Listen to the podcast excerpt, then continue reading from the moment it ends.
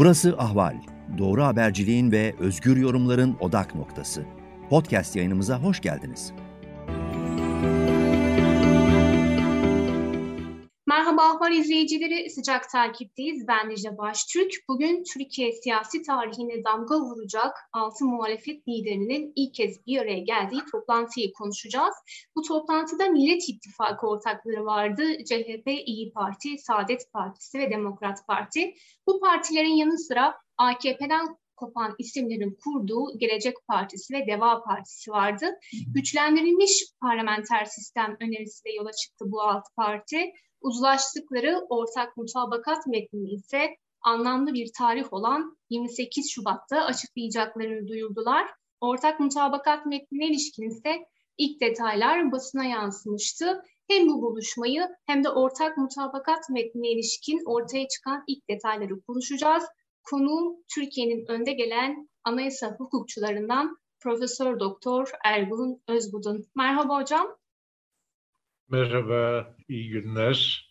Teşekkür ediyoruz. Ee, bir süredir Altı Muhalefet Partisi şu anki mevcut rejime karşı güçlendirilmiş parlamenter sistem önerisiyle bir çalışma yürütüyorlardı. Bu, bu çalışma somutlaştı ve mutabakat metnine dönüştü. Dün ilk defa Altı Muhalefet Partisi lideri birlikte bir fotoğraf verdiler. Öncelikle buradan başlamak isterim. Siz ortaya çıkan bu fotoğrafı nasıl yorumlarsınız Türkiye'nin siyasi tarihi açısından? Siyasi tarih açısından e, fotoğrafın olmasını bile e, çok önemli ve değerli buluyorum. Türkiye'nin siyasi tarihinde farklı parti liderlerinin bu şekilde bir araya gelmeleri ve ortak bir çalışma e, yürütmelerden pek örneğini hatırlamıyorum. E, dolayısıyla e, bu toplantının gerçekleşmiş olması başlı başına e, önemli bir aşamadır. E, bunu çok olumlu buluyorum Türkiye'nin demokratik mücadelesi açısından. Peki siz... Ee, evet. E, buyurun siz buyurun isterseniz. Teşekkür ediyorum. Ee, bir ortak açıklama da yaptılar ve bu ortak açıklamada Avrupa Birliği ve Avrupa Konseyi'nin aslında önemine de dikkat çektiler. Ee, bir de bu üzerinde uzlaştıkları ortak mutabakat metnini 28 Şubat tarihinde duyuracaklarını da evet. açıkladılar. Bu anlamda ne dersin? Sen 28 Şubat e, vurgusuna, önemine, detayına bir de e, Avrupa Birliği ve Avrupa Konseyi vurgusuna ne dersin? Şimdi Avrupa Birliği ve Avrupa Konseyi'nin dayandığı değerlere atıfta bulunuluyor. E bu değerler hukuk devleti, demokrasi, insan hakları gibi değerler. E zaten bu amaçlarla yola çıkmış olan partilerin e, bu değerleri reddetmesi mümkün değil. Bu kendisiyle e, muazzam bir çelişki olur. Onun dışında e, Avrupa Konseyi ve Avrupa Birliği konusunda e, daha somut herhangi bir ifade yok. Bu ilk mutabakat metninde. E, tabii şunu peşinen söyleyeyim. Daha ayrıntılı bir analiz için e, 28 Şubat'ı beklemek lazım. E, orada bu mutabakat metni e, 22 sayfalık bir metin olduğu anlaşılıyor. Kamuoyuna açıklanacak. O zaman daha e, sağlıklı bir analiz yapabiliriz. Hı hı. Ama şimdi iki sayfalık bir e, mutabakat metni var. Orada neler yapılacağı e, az çok belirtiliyor. E, dolayısıyla ben e, yorumlarımı e, daha çok bu iki sayfalık ön mutabakat metni diyebileceğimiz metne e, dayandırıyorum. E, 28 Şubat'ın özel bir anlamı olup olmadığını sordunuz e, Sayın Kılıçdaroğlu e, basın mensuplarına verdiği e, demeçte bu toplantıdan sonra bunun özel bir anlamı olmadığını söylüyor. Daha fazla e, gecikmemesi için çünkü Mart'a sarkması ihtimali de olmuş. E, daha fazla gecikmemesi için Şubat'ın sonunda yapılacağını, bunun özel bir anlam taşımadığını söylüyor. E bence de zaten özel bir anlam atfetmeye lüzum yok. e, mühim olan e, bu mutabakate varılmış olmasıdır ve bunun e, açıklama tarihinin de belirlenmiş olmasıdır. E, o günü bekleyeceğiz ve o zaman daha e, ayrıntılı e, ve sağlıklı bir analizde bulunabileceğiz. Hı hı. Ama şimdilik şu kadarını söyleyeyim. Bu ön mutabakat metni iki sayfa. Orada dahi üzerinde anlaşmaya e, varıldığı ifade edilen hususlar son derece önemli ve değerli. Ona dayanarak bir takım e, yorumlar yapmak mümkün. Güçlendirilmiş parlamenter sistem. Bu bazılarının zannettiği gibi öyle basit bir hükümet sistemi değişikliği değil. Şikayetçisi olduğumuz pek çok hususu e, dikkate alan ve bunları olumlu yönde, demokratik yönde, hukuk devleti yönünde değiştirmeyi amaçlayan bir metin. Dolayısıyla e, oldukça geniş bir alanda mutabakat var. Bu neleri kapsıyor mesela? E sadece bu ön mutabakat metnine dayanarak. Bağımsız ve tarafsız yargı diyor. Fevkalade önemli. Bugün yargının hali pürmelali e, herkesin gözü önünde. Hesap verir bir yönetim diyor. Şu anda bir hesap verme mekanizması yok. Bütün yetkilerin tek bir şahısta de, Cumhurbaşkanı'nda toplandığı bir hükümet sistemi var. Hesap sorabilecek kimse yok, hesap verecek de kimse yok. E bu da fevkalade önemli. Temel hakların güçlendirilmesinden söz ediliyor. Hukuk devletinin güçlendirilmesinden. Kamu yönetiminde kayırmacılığın ortadan kaldırılmasından ve e, liyakat esasının gündeme getirilmesinden bahsediyor. E, bunun gibi daha birçok hususlar var. Yolsuzluklarla mücadele var vesaire. Dolayısıyla yani bu ön metin bile üzerinde mutabakata varılmış olan konuların çok geniş kapsamlı ve hepsinde hayati konular olduğunu gösteriyor ki hani benim nazarımda e, bu mutabakatın e, ki aylardır tabii bunun çalışmaları da sürüyor. E, değeri ve önemi buradan kaynaklanıyor. Yani bugün şikayetçisi olduğumuz ne varsa e, bunların hepsine de e, bir cevap teşkil ediyor. Bu bakımdan son derece değerli bir metindir. Hı hı.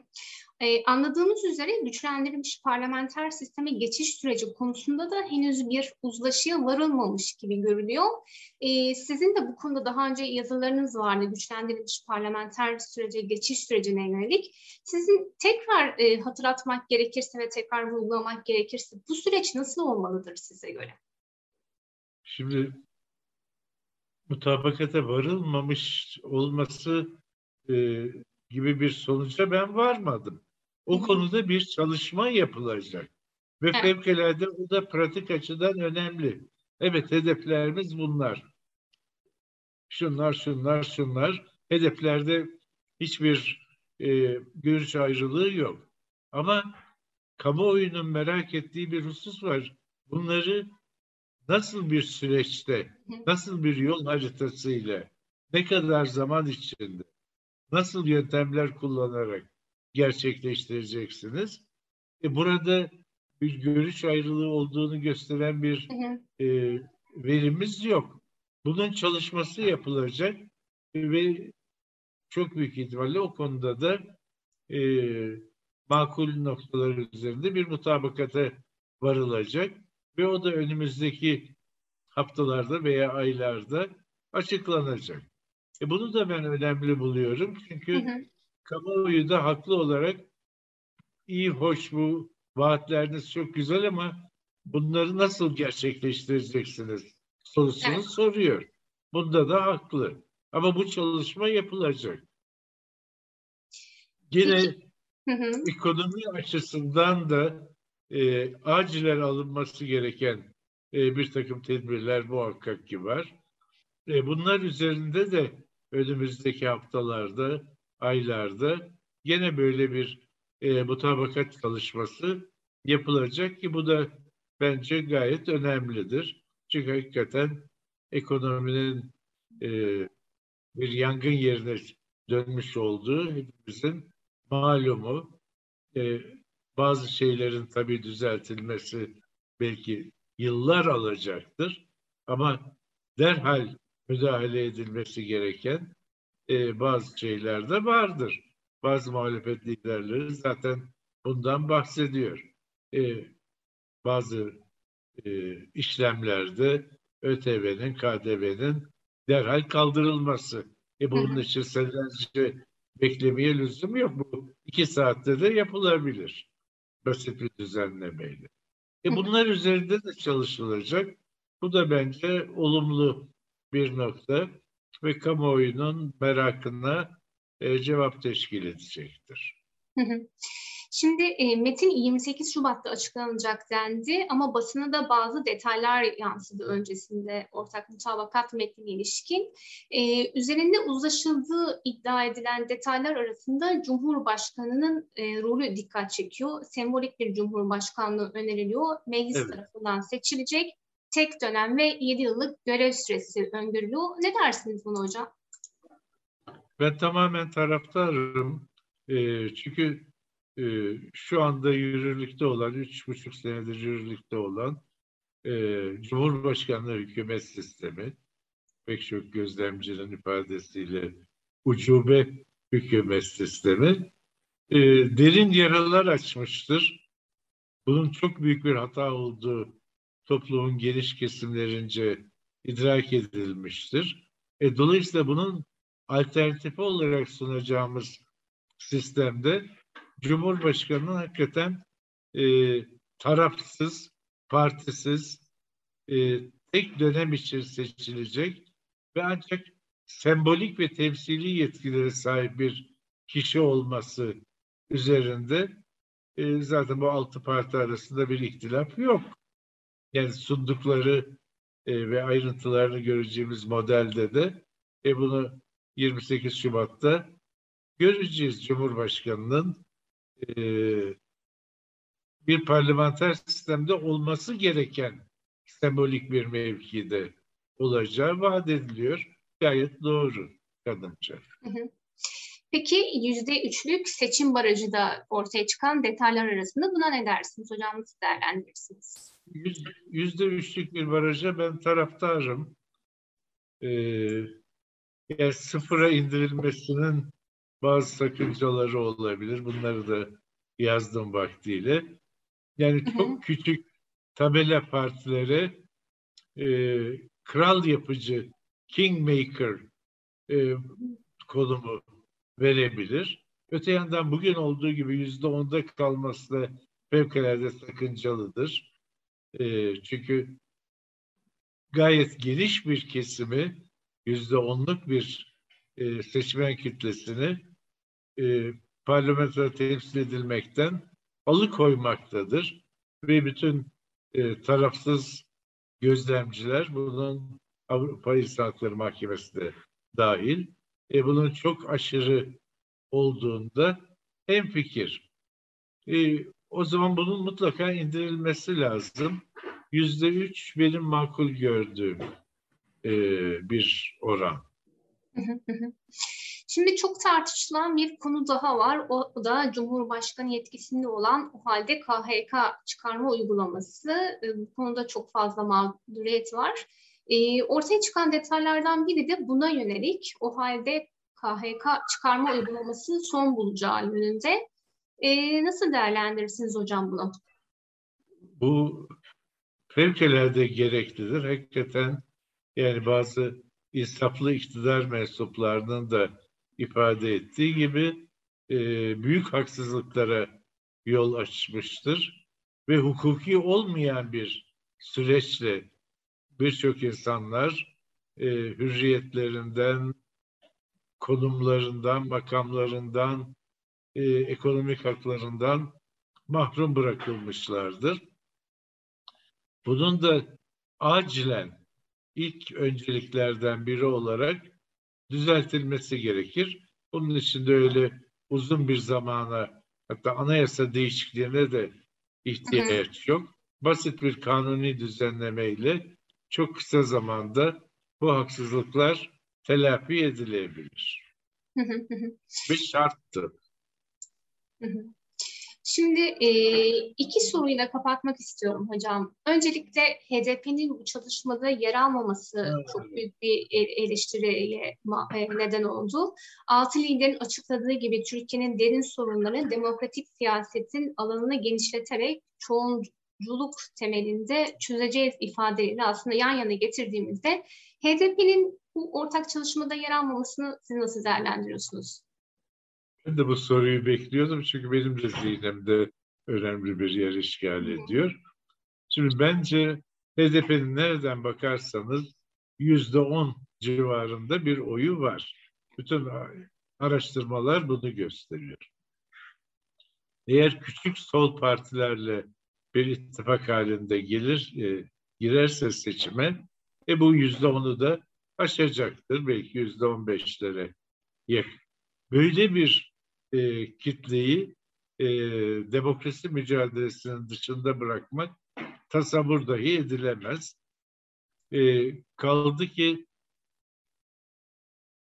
HDP'nin mutlaka bu e, ittifakın adına Millet İttifakı diyelim, Demokratik İttifak diyelim, dersek diyelim, orada olmak gibi bir derdi ve e, iddiası yoktu. Bunu açıkça kendisi de söyledi. Ee, işbirliğinin muhtelif şekilleri vardır. Mutlaka yani o masada olmak gerekli değil. Başka şekilde de e, eğer görüşler aynı istikametteyse başka şekillerde de işbirliği gerçekleşebilir.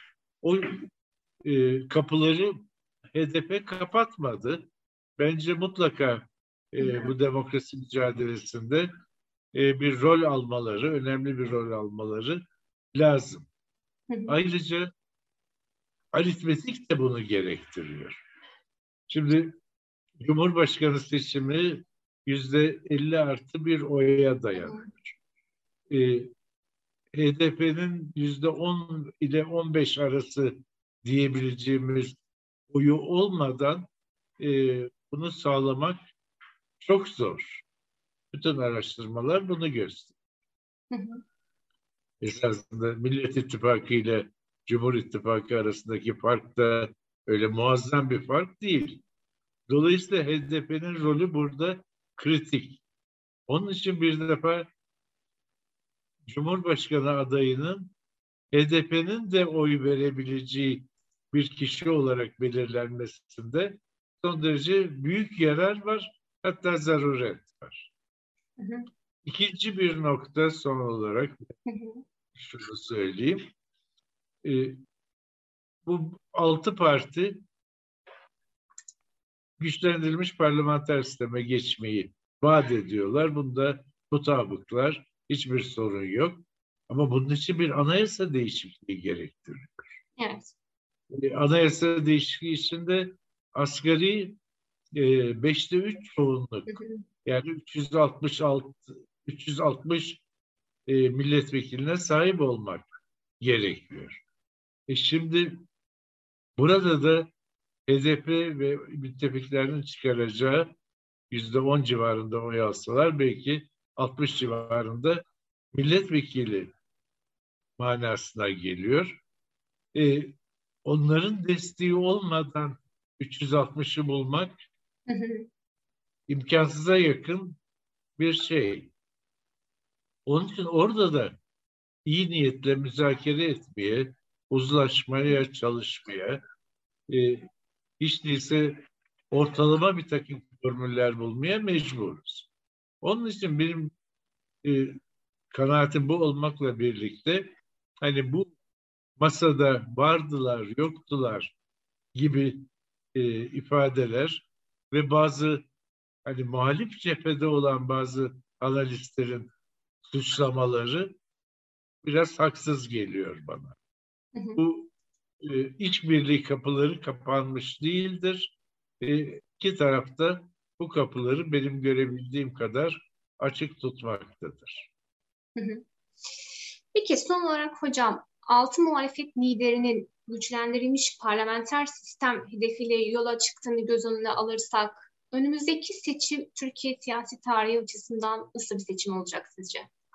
O, o birçok analistin de belirttiği benim de çok uzun zamandır belirttiğim gibi bir hayat memat, varlık ve yokluk tercihi olacak. Ya Türkiye e, demokratik rejime geri dönecek yahut e, ucu bucağı belirsiz e, tam bir otoriter sisteme sürüklenecek. Onun için herkes yine e, çeşitli yazılarımda, konuşmalarımda ifade etmeye çalıştım. Aralarındaki tali farkları, ufak tefek farkları bir yana bırakıp bu temel nokta üzerinde birliklerini muhafaza etmeliler. Çünkü hakikaten bu e, bu fırsat kaçırılırsa bir daha ne zaman ele geçirilebileceğini ancak Cenab-ı Hak bilir. Peki hocam çok teşekkür ediyoruz değerli görüşleriniz için ve katıldığınız için. Sağ olun, iyi günler. İyi günler. Ahval podcastlerini tüm mobil telefonlarda Spotify, SoundCloud ve Spreaker üzerinden dinleyebilirsiniz. Apple iPhone kullanıcıları bize iTunes üzerinden de ulaşabilir. Türkiye'nin ve hayatın cıvıl cıvıl sesleri Ahval Podcast dizisinde. Kulağınız bizde olsun.